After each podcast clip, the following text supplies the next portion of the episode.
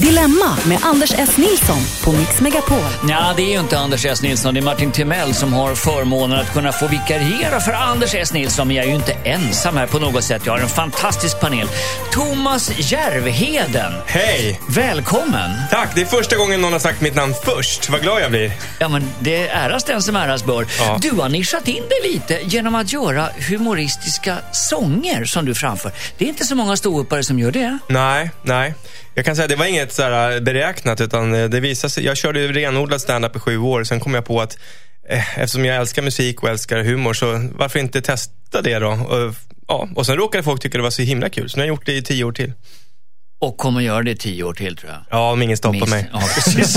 Vi ska inte göra något. Josefin Ja, Crawford, välkommen. tack så mycket. Hopp. Eh, din bästa egenskap som ståuppare, om du skulle vara det, vad är det? Jag är faktiskt sjukt rolig. Jag har bara ståuppat en gång Jaha, vadå? eh, i mitt liv. Det var på Boulevardteatern i Stockholm. Ehm, och ehm, jag körde hårt. Och då var det bestämt innan att ehm, de skulle blinka med en lampa efter tre minuter. Då var det dags att runda av. Okej, det ju- gick jag, sådär. Jag rundade inte av. Jag tyckte, jag tyckte det var helt underbart att stå där på scenen och kötta loss om, jag vet inte allt vad det var mellan himmel och jord. Men det som gjorde att jag inte sen fortsatte var nog att jag var så fruktansvärt nervös innan. Jag, det var, alltså jag, var, jag sprang på toa hela tiden. Jag, det var fruktansvärt jobbigt innan, men det var jättekul på scen. Så jag kanske gör en comeback en vacker Okej. dag. Henrik, eh, scenmänniska. Eh, ståuppare är du inte, utan mentalist. Ja. Eh, och förvrider vårt sätt att tänka. ja, det hoppas jag på en bra dag. Ja, Ja. Och sen så är du väldigt klok i den här panelen och kommer med, med, med eh, kloka iakttagelser. Vi får väl se. Ja, vi får väl se. Snart är det alldeles dags för första dilemmat. Det är Mikaela som har skickat in den här. Hej, jag och min man separerade för drygt tre år sedan. Sedan dess har vår son vägrat att träffa eller prata med sin pappa. Idag är vår son 19 år gammal och hans pappa ligger på mig om att jag ska arrangera en överraskningsträff dem emellan. Det känns lite tveksamt eftersom vår son är myndig och har rätt att bestämma själv om han vill träffa sin pappa eller inte.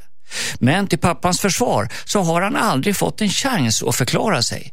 Och ibland tycker jag att vår son är lite väl hård mot honom. Mitt dilemma är alltså, borde jag arrangera en överraskningsträff mellan pappa och vår 19-årige son trots att min son inte vill träffa sin pappa?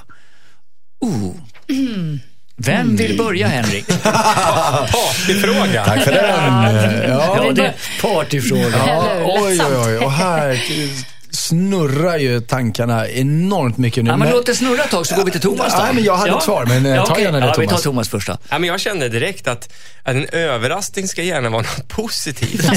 Eh, In- inte och- chock. Nej, precis. Så att eh, jag tycker det spontant nej. Däremot tror jag att hon kan eh, hjälpa sitt ex då eh, och faktiskt i förlängningen sin son tror jag genom att eh, prata så pass mycket om det här med sonen att han går med på att låta pappan få säga sin version. För jag tycker att det, det, känns, inte, eh, det känns inte rättvist att han inte kan få åtminstone ha sagt sin version. Nej, klokt. Bra. Henrik, nu då? Ja, jag, jag, tänker att, att, eh, jag tänker lite hårdare än Thomas där. Men, men eh, alltså, att, att arrangera en överraskningsträff låter ju lite väl hårt. I mitt huvud låter det som att hon så här knuffar in sonen på ett café och där sitter pappan och så blir det jättejobbig stämning. Det låter mer som ett gisslandrama. ja, lite. Men, men däremot så skulle det kunna vara så att nu inbillar jag mig att sonen bor hemma fortfarande. Att sonen kommer hem från jobbet eller från skolan kanske snarare eh, en, en dag och pappan är där.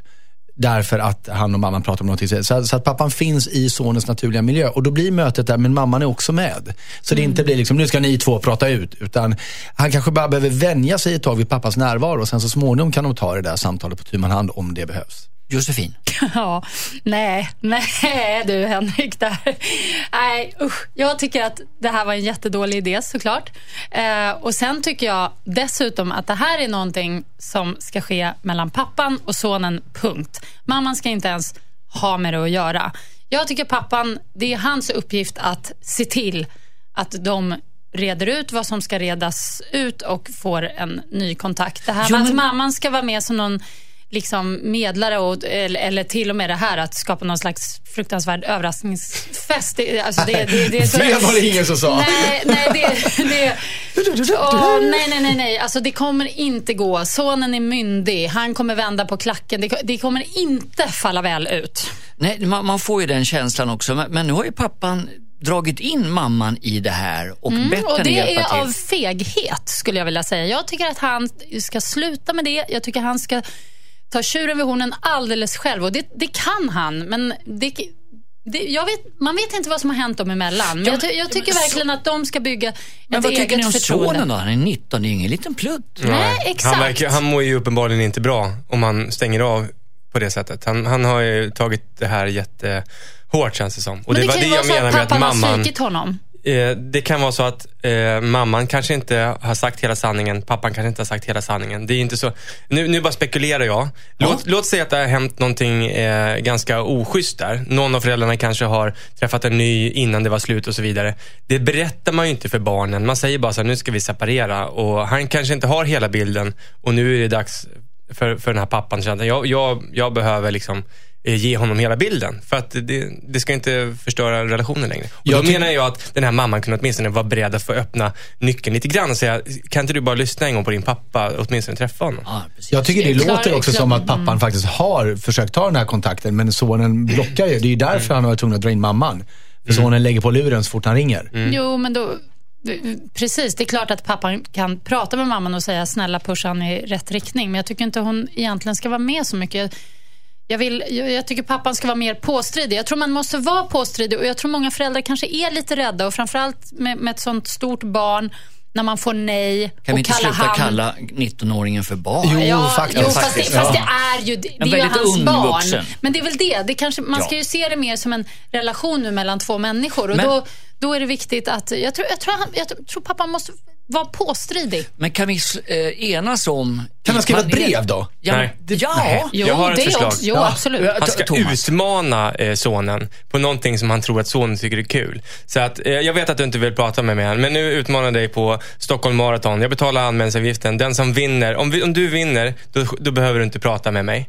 Ja, och då kommer sonen anta det. 4,2 mil Ja, måste han springa. men sen Okej. när han har, även, fast sonen kommer vinna så kommer han ändå tycka sen, äh fan, nu snackar vi om det. Okej, men någon överraskningsfest, det ska inte förekomma. Nej, nej, nej. Tack.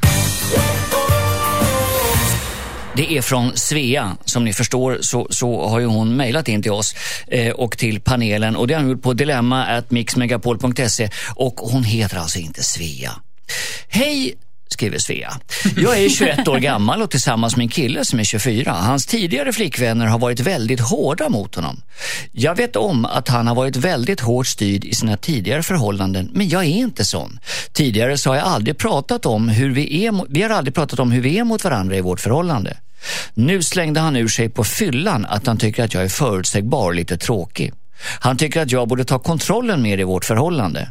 Jag uppfattar det nästan som att jag var lite skulle vara lite taskig mot honom. Men jag är inte sån och skulle känna mig väldigt obekväm med att gå in i någon slags bestämmande roll.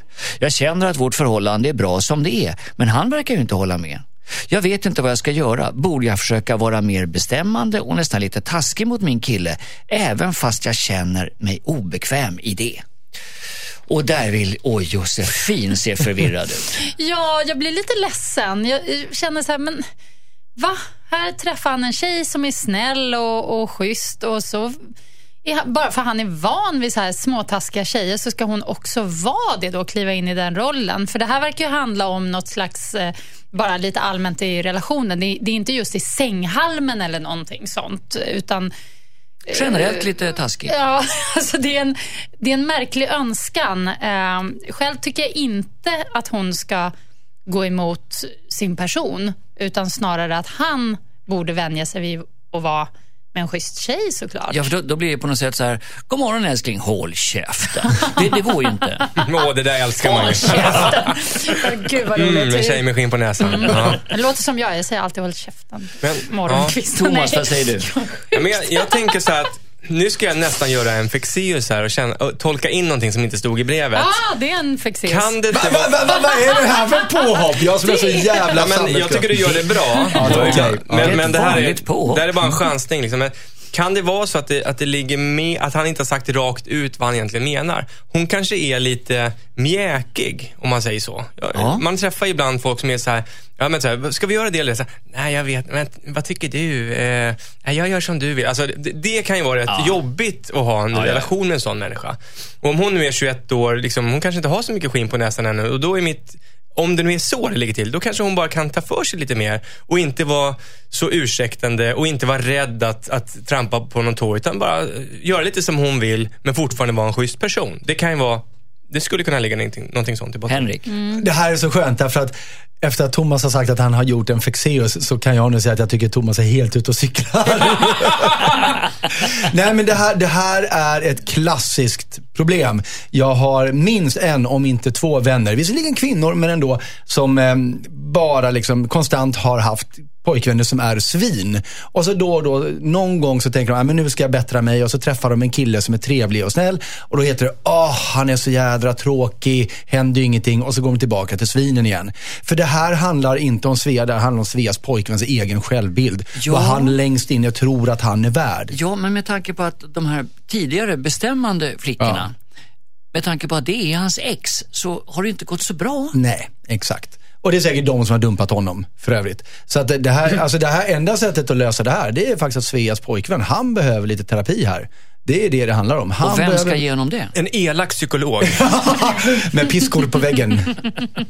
inte Svea ska inte ge honom den. Eh, Men däremot så kan det vara så att, att eh, det, kanske, det här kanske inte kommer att fungera, den här relationen. Men, men är det inte ett Nej. ganska lätt svar att alltid skicka någon till psykolog? Nej, men- ja, men okej, han kan säkert ta hand om det själv, men min poäng är att, att, eh, att i alla fall min erfarenhet är att man brukar inte klara av det. Utan vad som händer är att man faller in i det gamla mönstret och man hittar någon som, som eh, är jobbig mot en istället. Alkoholisthustrun som gör men, slut och går eh, vidare till nästa alkoholist. liksom. Ja, ja. Ja, jag tror också att det, det här är... Man vill ju att det ska funka, men Så, så frågan är om eh, det kommer Svea, göra det. Svea Alltså. får inte känna att det är hennes fel på något sätt. Nej. Svea får absolut inte begå våldtäkt på sin egen personlighet och ändra sig för hans skull. Nej. Om hon inte är riktigt mjäkig. Men är hon riktigt... nej, jag, jag, jag är faktiskt med dig där. För att är hon riktigt mjäkig och, och liksom, liksom mesig, då, Då får hade hon inte ju, skrivit in till oss. Eh, hade hon Nej. inte? Nej, det tror jag inte. Nej, då, varför då? Men hon kanske inte har en självinsikt om det. Det här är bara liksom farfetched. Du har säkert Nu, rätt. nu börjar vi spåra lite. Eh, Okej, okej. Jag, jag säger så här, vi enas om att hon inte ska ändra, Svea ska inte ändra sin personlighet. Nej. Det är han som ska ändra sig. Ja. Punkt. Det är Felicia som har mejlat in till panelen framförallt, men till hela programmet. Hon vill nämligen ha svar. Hon har mejlat in på Dilemma dilemma.mixmegapol.se. Hon skriver så här. Hej Dilemmapanelen. Jag började nyligen på ett jobb där jag har träffat en man som jag har kommit bra överens med. Vi bytte nummer, åt middag och hade sex inom loppet av en vecka. Och sen har vi dessutom fortsatt att träffas. Förutom att vi jobbar på samma kontor så är han dessutom gift. Han är, har en chefsposition och är cirka 30 år äldre än mig. Fast det heter än jag, men hon har skrivit det. Ja, han är inte min chef utan chef på en annan avdelning. Jag är 26 år och har en projektanställning. Jag kommer alltså inte jobba kvar så länge till.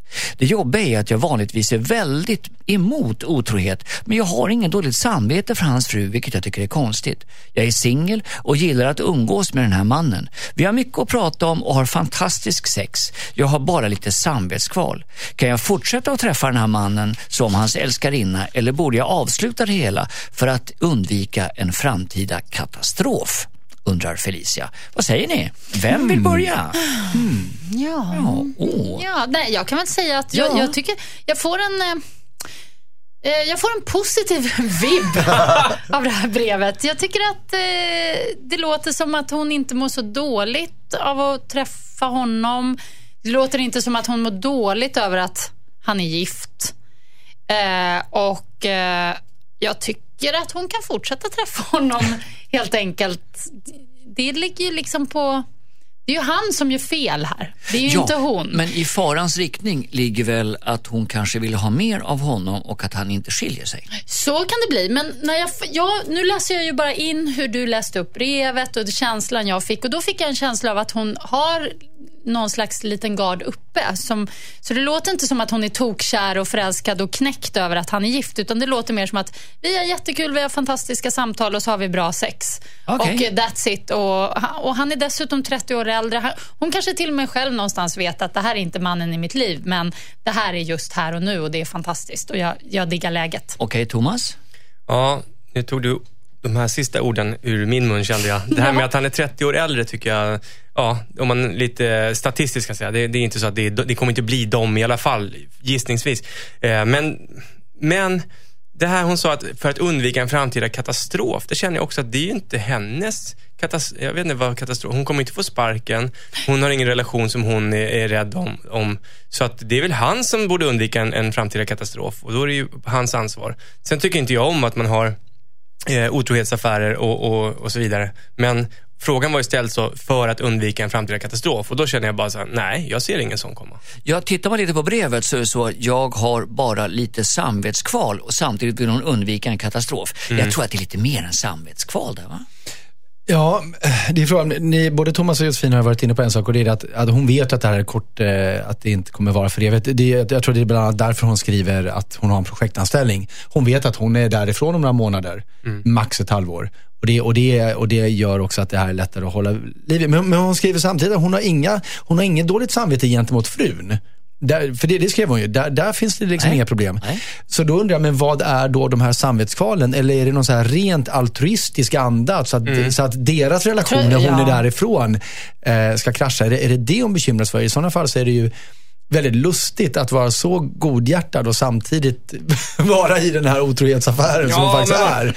Så att, eh, nej, alltså, nej. Det, just så som det är formulerat så är det... Hora Madonna-problematiken lite. Ja, så att det, är det kanske så att hon bör kanske säga, säga det till honom att du, eh, tycker du att det här är schysst mot din fru? Och får han väldigt mycket dåligt samvete så får väl han avsluta det då. Å Det är andra sidan en kanske... väldigt det- sexig det- Förlåt, jag säga. måste bara släppa in Thomas. Det är en väldigt sexig grej att säga Ja. också när man träffar en älskare. Du förresten, tycker du att det här är schysst mot din Ja, och, jag, och jag tycker med det tonfallet och också så här, eh, Under, under, akten. täcket. Ja. Ja. Då, då är det risk att hon sabbar, hon spräcker hål på en bubbla. Det är bara en liten... Ja. Mm. Josefin, vad hade du på hjärtat? Jo, jag tror bara att en av anledningarna till att det funkar så här bra är just för att han är gift och är 30 år äldre. Och, och hon har sin projektanställning. Jag tycker det låter som ett drömscenario Men om jag får ska hon fortsätta? Josefin säger ja, fortsätt. Ja, det tycker jag. Bra. Thomas? Eh, normalt sett skulle jag sagt nej, men nu tänk- tänker jag så här, skadan är redan gjord och hon ska snart därifrån. Så kanske, eh, då kan jag gå på Josefins linje. Håll ut en liten stund till och försvinn därifrån sen, så får det där vara ett kärt litet minne. Henrik? Ja, nej men hon är ju uppenbarligen lätt, lätt psykopatiskt lagd så det är bara, det är bara att fortsätta. Liksom. Halvåret ut. Va? Tack. Det var taskigt. Nej men, nej men lite mindre empati än man kanske alltid har. Men jag tycker det låter härligt. Ja. Hej, jag var med om en hemsk olycka för några år sedan. Jag förlorade min man och mitt barn i en trafikolycka. Efter att jag försökt återgå till min normala liv så kände jag att alla gjorde sig till för mig. Kollegor skrattade åt alla mina skämt och kunde aldrig ge mig kritik för någonting och så vidare och så vidare. Jag kände mig särbehandlad och mådde dåligt av det. Min lösning blev att jag flyttade. Sedan ett halvår bor jag i en annan stad och har träffat nya vänner. Jag har mått bra det senaste halvåret, för första gången sedan olyckan. Problemet är att jag ibland blir påmind av mina nya vänner, efters, av mina nya vänner eftersom de inte vet om vad som har vad hänt mig. Det kan vara välmenande kommentarer som att den där kroppen kommer du aldrig få ha kvar om du skaffar barn. De kommentarerna gör väldigt ont i mig eftersom jag har förlorat mitt barn. Det är särskilt två vänner som står mig extra nära som jag skulle vilja berätta för. Men samtidigt är jag rädd för att de ska börja behandla mig som mina gamla vänner och jag är rädd för att jag känner mig särbehandlad igen. Borde jag berätta för mina närmaste vänner vad jag har varit med om, om den här hemska olyckan där jag förlorade min familj, trots att risken finns att de börjar behandla mig som ett offer? Huh. Oj, oj, oj. Det där kändes i hjärtat Ja. faktiskt. Det gjorde det. Ja. Vem vill börja? Jag kan börja. Ja. Eh, Jag tycker faktiskt att, jag, jag förstår verkligen oron här. Eh, Men jag tycker att hon ska berätta och jag tror att nyckeln till det ligger i hur hon berättar det. Om hon förklarar att, att så här är att eh, det är lika bra att ni vet om det här. Eh, men, men eh, jag kommer berätta någonting nu på villkor att ni inte särbehandlar mig. Det är därför jag inte har berättat det. Så att hon förklarar att det är det som står på spel här. Och sen också berättar och, och försöker göra det på ett ganska osentimentalt sätt. Om hon orkar att vara liksom ganska inte kategorisk men hålla sig i alla fall faktuellt. Det här är vad som har hänt mig, det här är fruktansvärt jobbigt. Eh, jag blir särbehandlad, flyttar från stan. Så att ni vet. Men och inte göra liksom en stor, kom nu ska vi gråta tillsammans och eh, göra den grejen Nej. av det. För det kan leda till det särbehandlingen nämligen. vill. Nej, exakt. Men om hon klarar det, att berätta på ett ganska liksom kontrollerat sätt och förklara att det handlar om särbehandlingen, då tycker jag absolut att hon ska göra det. Josefin? Ja, jag är inne på samma spår. Alltså, jag förstår problematiken, men jag tror också att det är bra att berätta det vid ett välvalt tillfälle och göra det just så. Och, säga det att nu berättar jag det här, men jag vill inte att att det ska förändra er relation till mig. Det är jätteviktigt för mig. För att känner jag av det sen, då, då, blir det, då måste jag flytta från stan en gång till och det orkar jag inte. Nej, men alltså det är väldigt... Nej. det, det, det, um, jag tror att det är väldigt... Det kommer bli krångligt för henne i längden att gå runt och bära på det här och, och håll, liksom hålla fasad. Och, nej, jag tror det måste ut. Okej, Mm. Thomas? Jag måste säga att jag är imponerad av henne att hon har lyckats flytta till ny stad och skaffat nya vänner och verkar vara liksom rätt fin med det och har fått nya nära vänner. Det, det, det skulle jag aldrig kunna göra tror jag.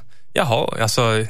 Nej, på ett halvår. Varför Nej, inte? men, Varför nej, men alltså skulle det här inte med att skaffa det? nya vänner, jag tycker det känns som en jättestor grej. Jag tycker man har, jag har mina gamla vänner, eh, men, men nu har hon gjort det och hon verkar, det verkar som att de har kommit varandra nära och då känner jag också att man vill ju ha sina nära vänner eh, och ha en ärlig relation med dem. Så jag tycker absolut att hon ska säga det till dem. Och jag funderar också på eh, det här med att hon inte har kunnat ta i den diskussionen med framgång med sina gamla vänner. Det måste ju göra att hon är rädd för att göra det här Ja, igen. det, det va? kanske var för nära inpå. Ja, precis. Och då tänker jag att hon kanske kan kontakta sin, nå, någon av de gamla igen och se om det kanske kan gå att prata om det här igen. Så att hon kan få tillbaka någon från förr också. För att hon har ju kapat allt liksom. Och det, har- Ja, det var en klok iakttagelse, det tänkte jag inte ens på. ja. Så eh, det är en annan tanke jag hade då. Att försöka kontakta med någon från förr också. Men frågan var ju de nya. Ja, det tycker jag. Sen, Ja. sen har jag tillägg till det och, och det är att jag tror att vår kära brevskrivare behöver också vara ödmjuk inför det faktumet att hon faktiskt vill ha en särbehandling också. Därför det finns kommentarer och så vidare som inte hon vill höra. Hennes problem är ju nu att hon faktiskt inte alls är särbehandlad. Så, att, så att det får hon ju faktiskt ta med sig. Att det är ju det hon eftersöker, en viss försiktighet inom vissa områden. Hon har ju den ryggsäcken hon har. Ja. Okej, bra. Inte huttla med det här utan Nej. berätta för kamraterna. Kanske skulle ha mejlat till det här brevet till kamraterna. Ja, Kanske. Ja. Ja. spela in det här på en... Nej. Spela in Vi kan Nej, dem. behöver det inte grotta in nej, i det, men- nej, men ja. Ta det när de är ute och dricker bärs och så kan de ta det då. Okej. Ja, men det tycker jag. Cider tror jag. Veronica har skrivit och hon har skrivit in på dilemma at mixmegapol.se. Hon skriver så här. Förresten, självklart, alla som skickar in får naturligtvis vara anonyma, så det här är inte Veronica. Eh, men hon skriver så här i alla fall. Hej, min killes ex-flickvän går i samma klass som jag. jag. Vi känner inte varandra och har inte pratat med varandra. Men jag vet att det finns en video på internet när hon har sex med en annan man. Och jag vet inte om hon vet om det. Jag tycker lite synd om henne om hon går runt ovetande om att det finns en video på henne när hon har sex med en annan man. Problemet är att det kan ju verka väldigt konstigt om det här kommer från mig.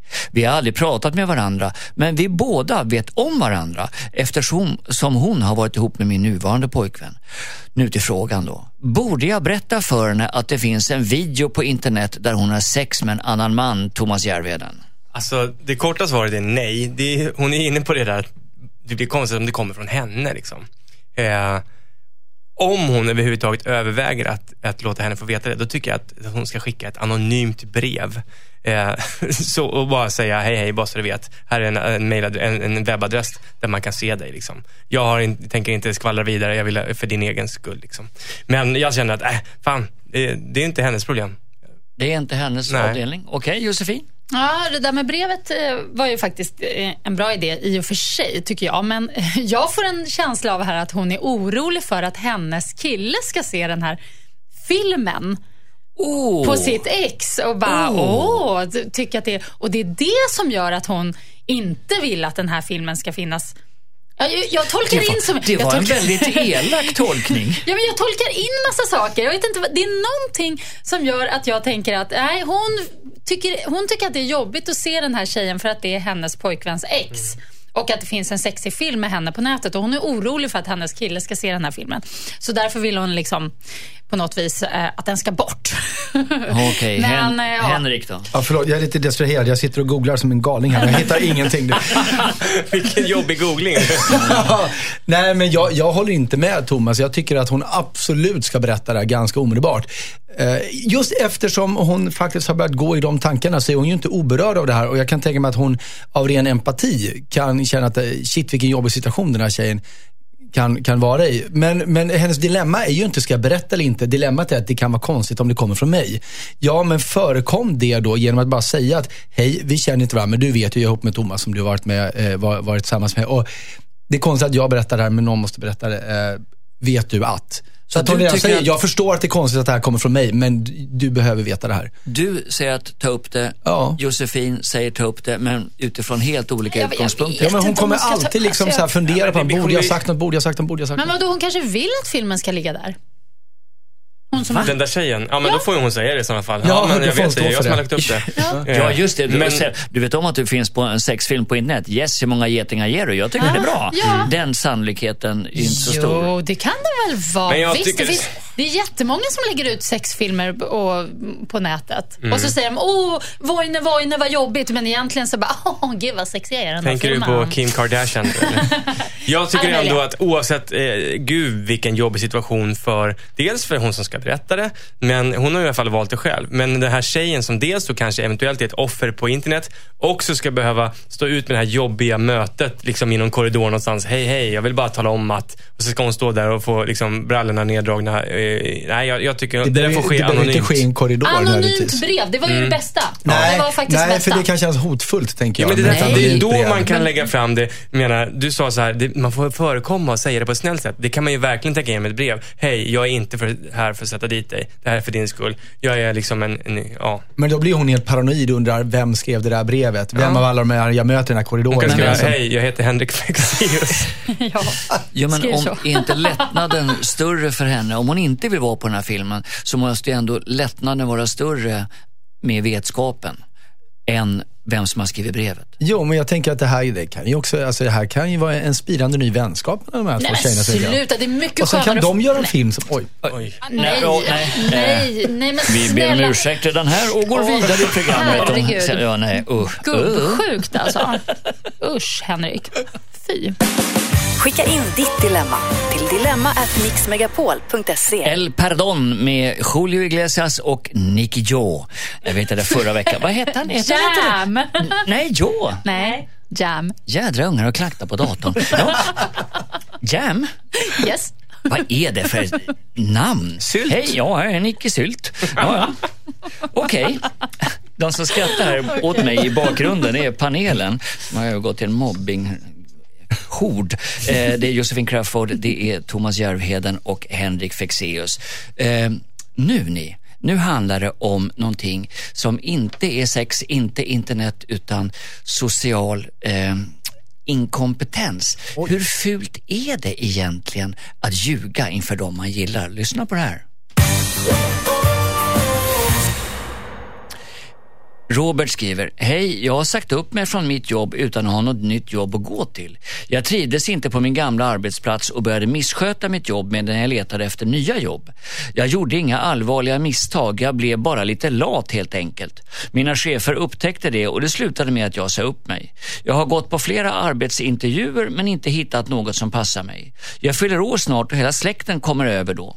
Just nu är jag hemma mycket och tar det lugnt och jag har tagit lite pengar från min mormors arv för att betala räkningar och så vidare.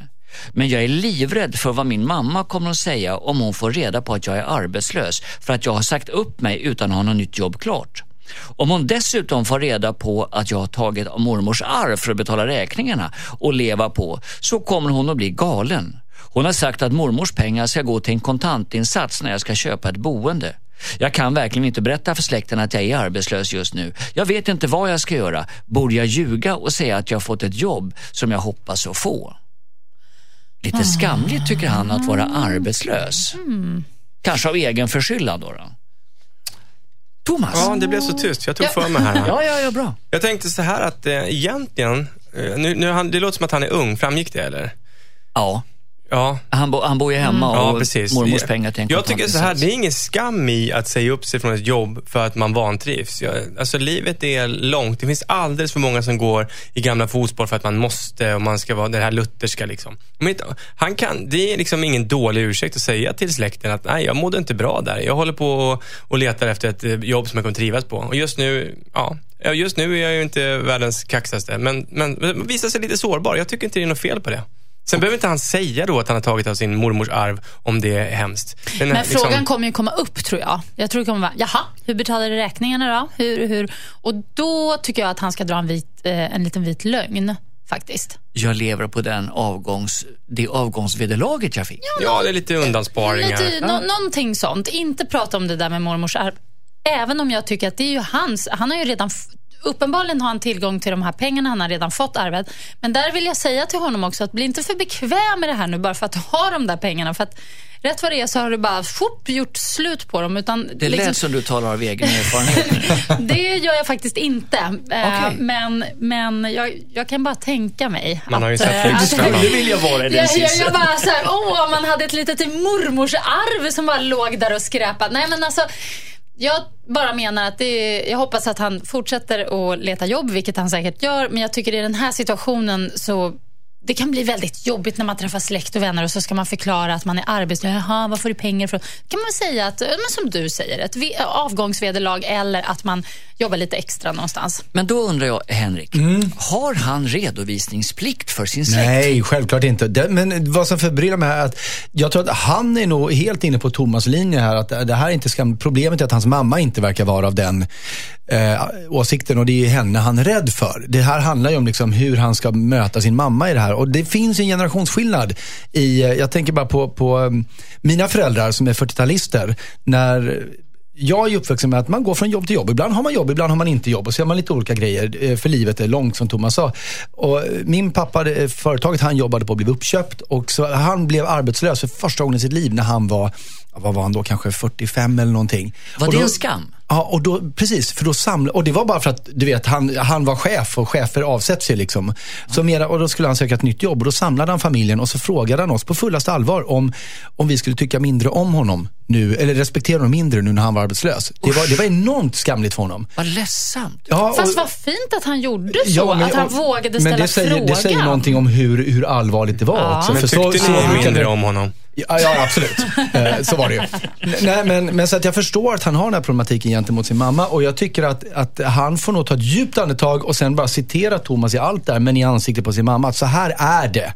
Det är inte konstigt att vara utan jobb ett tag. Det är inte skamligt, det är inte problem. Faktum är att jag mår mycket bättre av det än jag var på mitt arbete. Jag är i en pro- process nu att söka jobb. Och vad det gäller mormors arvet för övrigt. Han har ju tillgång till pengarna som Josefin sa. Så att det enda mamma kan ha, hon kan aldrig ha ett krav på de pengarna. Hon kan ha en väldigt god idé om kontantinsatsen. Men det är faktiskt inte ett krav. Det är hans Okej. pengar. Redovisa inte allt för hela släkten, men tala med mamma. Mm. Okej. Hej, jag och min man har inte haft sex på fem år. Vi är i 40-årsåldern och har varit ihop i över 20 år. Men vi har inte sex längre. Inget smek eller hångel, utan max en puss då och då. Ingen av oss har varit otrogen utan vi har, och vi har dessutom två större barn. Jag känner mig inte älskad, sedd eller bekräftad och därför blir jag sur. Han tycker att jag är jobbig eftersom jag ofta låter min grinighet gå ut över honom. Jag ser sex som en bekräftelse på att han älskar mig och just nu känner jag mig väldigt osäker. Vi har ett bra förhållande annars men sexbristen sätter spöken i mitt huvud. Ibland så får jag för mig att folk vet hur illa vi har det. Jag, upplever dessutom, jag lever dessutom med tanken att män alltid vill ha sex och att det är något fel på mig. Jag vet inte vad jag ska göra. Ska jag till och med överväga att lämna min man för någon som vill ha sex med mig? Henrik? Ja, alltså, och det, har, det här har pågått i fem år utan att hon Nej, det har... har inte pågått i fem år. Nej, nej, just det. Men och utan att hon har då förklarat det här för sin man, uppenbarligen. Låter Ja. ju otroligt konstigt. Eh, Jag har två goda vänner, två kvinnor, som båda har lyckats eh, landa flera stycken totalt asexuella relationer efter varandra. Och, eh, så att jag förstår verkligen det här dilemmat. Men, men jag förstår inte- inte varför hon inte har pratat med sin man om det. Fast vadå, framgick det att hon inte har försökt prata med honom om det? Ja.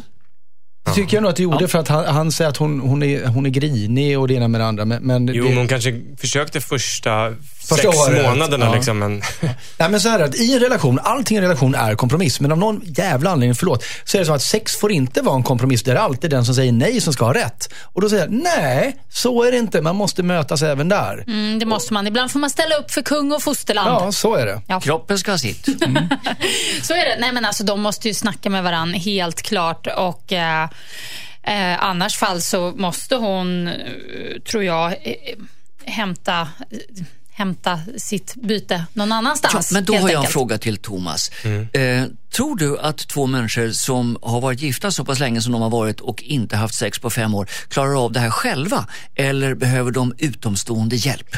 Jag tror att de behöver utomstående hjälp. Min första spontana tanke var så här att om de, om de har haft det liksom sexualfritt i fem år här nu så känner jag, äh, då, är, då är det ju nog ingen idé. Det, det, det kan inte vara lätt eh, att, att få igång det där igen. Men sen tänkte jag, vänta nu, fem år är så länge att det kanske blir som en nystart om de kommer igång igen. Att, det, Oh. att det blir liksom, Ja, ja. att det är som två oskulder som, jag menar, Ja. det är kanske nästan, nästan bättre att, äh, förutsättningar för dem än någon som bara har haft det dåligt i ett halvår. För de så här, äh, jädrar vilken grej. Det här känns som att vi alla har gjort det nästan. Så Men jag tänkte också på en annan sak som stod i brevet, att hon eh, lever med föreställningen om att män alltid vill ha sex. Och det stämmer ju absolut inte, vill jag säga.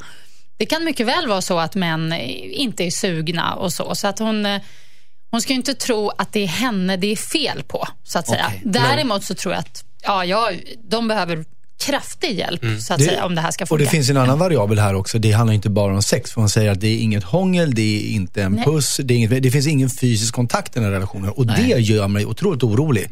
Därför att det är ju det som faktiskt särskiljer. Vad är, det, vad är skillnaden på den relation du har med dina goda vänner som du älskar och din partner? Jo, den fysiska kontakten och sexet. Utan det så är man goda vänner.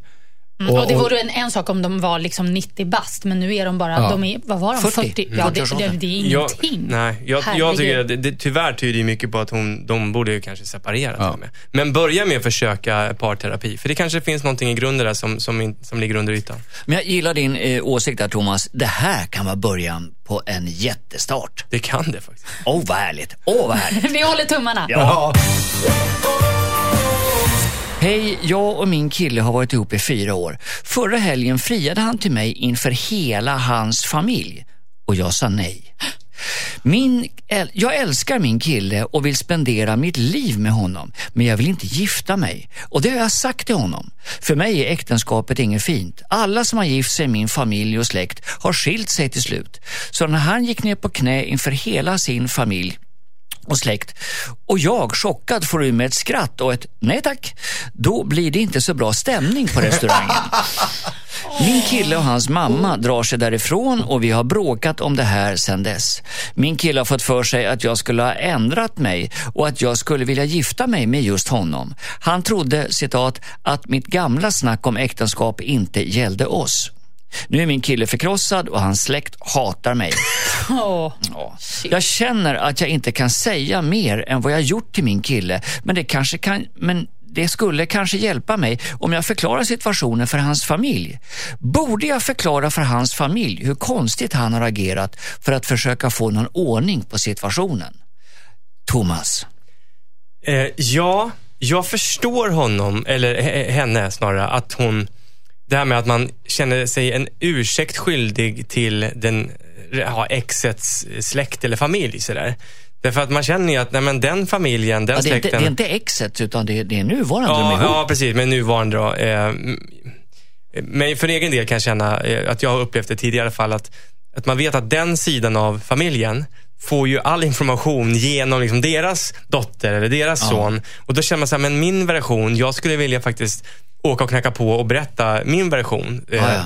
Det, det har jag känt. Eh, inte för att det har varit några särskilt eh, eh, hemska hundar begravna, men jag förstår då hennes känsla. Och jag tycker faktiskt att hon kan gö- eh, göra så. Jag tycker hon kan kontakta i alla fall hans föräldrar eller någonting och bara säga, jag, jag vill komma på en kopp, kopp te och bara snacka lite. Okej. Han har ju- Ja, mm. alltså till att börja med kanske de ska reda ut de två emellan. För nu verkar det ju vara bråkigt och jobbigt och liksom, ja, det, ju, det viktiga är ju deras relation. Att hon förklarar för honom varför hon inte vill gifta sig återigen och att hon verkligen vill vara med honom. Sen är ju jag lite av den åsikten att Jag, tycker det är lite tråkigt när man har det resonemanget. Att, nej, men jag tänker inte gifta mig för att alla som är gifta de skiljer sig. Ungefär som att det har med det att göra. Jag, jag tycker att man ska ta vara till varje tillfälle för fest. Och gifta sig. Ja, det tycker jag. Men, men, men eh, Henrik, eh, är det så viktigt för henne det här med att inte gifta sig? Så kanske hon skulle lyssna mer? Och kanske, som du alltid säger, kompromissa. Förlova sig bara. Ja, exakt. Eh, nej, men så, här, så här va. Att det, det låter som att det var lite otydlig kommunikation. Om han säger, jag trodde ditt gamla snack om äktenskap inte gällde oss. Det betyder alltså att hon har pratat om hur hon ser på äktenskapet, men inte lyckats få honom att förstå att det gäller även deras relation. Och, och då förstår jag om han, om han nu är så gifta sugen att han att han har gjort en liten mental kullerbytta bara över det där. Så att de behöver reda upp den här fnurran. Jag tycker att hon behöver prata med mamman beroende på hur tajt relation de har. Det kanske är jättekonstigt. De, kanske inte för den typen av samtal. Vi vet inte hur länge de har varit ihop. Men om hon orkar prata med mamman. Men jag förstår henne. Jag kan absolut, jag har ingen lust att gifta mig. Jag har varit gift. Det var, det var sådär. Jag har ingen lust att göra det igen. Och jag, jag förstår verkligen henne om hon känner att nej, så eh, ja. Jag vill lägga in en protest här. Okej, gör det. Min eh, eh, fru, hon ville ju absolut inte gifta sig. Och jag tvingade, nej det gjorde jag inte, men jag, vi hade den diskussionen för länge sedan, för hon trodde inte på äktenskapet heller. Hon, hon sa så här, att hon förstod inte vitsen. Och då, då sa jag till henne, så, här, men, eh, det som jag tycker är vitsen med att gifta sig, det är att det är liksom ett, eh, vad säger man, det är att man förhöjer den här relationen utöver de andra relationerna man har haft. Alla har ju varit ihop med andra och hit men det var, det var en samboförhållande, det var Åh, en flickvän, pojkvän. Men om man- men det faller ju om man redan men den här gift. ringen, den visar att det här är någonting som är, liksom, det, det är vi som har valt varandra. Liksom. Och det, det snacket eh, köpte hon. Sen visst, jag förstår Henrik, om du redan har varit gift och Ja, sådär. för men, då, då, då funkar ju inte det längre. nej, men, vänta man måste ju leva i nuet. Du kan ju vara kär igen. Kan vi inte sluta det här dilemmat med, med Thomas Järvhedens lovsång och förklaring till äktenskapet? Ja, men så blir det en fest också. Och, ja, förlåt. Nej, ska ni, ska ni tvinga henne att gifta sig nu fastän Nej, hon inte vill? Bara för Nej, att, men jag tycker det är Gud så- vad taskiga Hon hade fel skäl till nejet, till det. Ja. Nej, hur kan du? Va? Ja. Att inte vilja gifta sig, det är fel skäl till nejet? Ja, men hon vill inte gifta sig för att alla andra skiljer sig. Men det kanske inte är det som är det grundläggande skälet. Hon kanske är rädd, hon kanske inte är där. Det spelar ingen roll. Det var inte det det det är en handlade om. sak. Ni som tyckte om Thomas Järvhedens insats här, jag försökte, jag gjorde vad jag kunde. Skicka in ditt dilemma. Dilemma at mixmegapol.se. Programmet är faktiskt slut för den här gången och jag skulle vilja tacka så hemskt mycket framförallt panelen Thomas Järvheden, Josefin Crafoord och Henrik Fexeus. Jag heter Martin Timell och har förmånen att få komma hit imorgon igen med exakt samma panel och svara på frågor som ni har skickat in till dilemma at mixmegapol.se. Imorgon handlar det bland annat om Tage. Tage har en dotter och den dottern har en kompis och den kompisen är väldigt intresserad av att eventuellt få peta plocka skruva på Tage. Hur ska han göra? Vi är tillbaka imorgon. Tack för idag. Tack för idag. Hej då. Hej då. Hej! Ett poddtips från Podplay. I podden Något Kaiko garanterar östgötarna Brutti och jag, Davva, dig en stor dos skratt. Där följer jag pladask för köttätandet igen. Man är lite som en jävla vampyr. Man har fått lite blodsmak och då måste man ha mer. Udda spaningar, fängslande anekdoter och en och annan arg rant.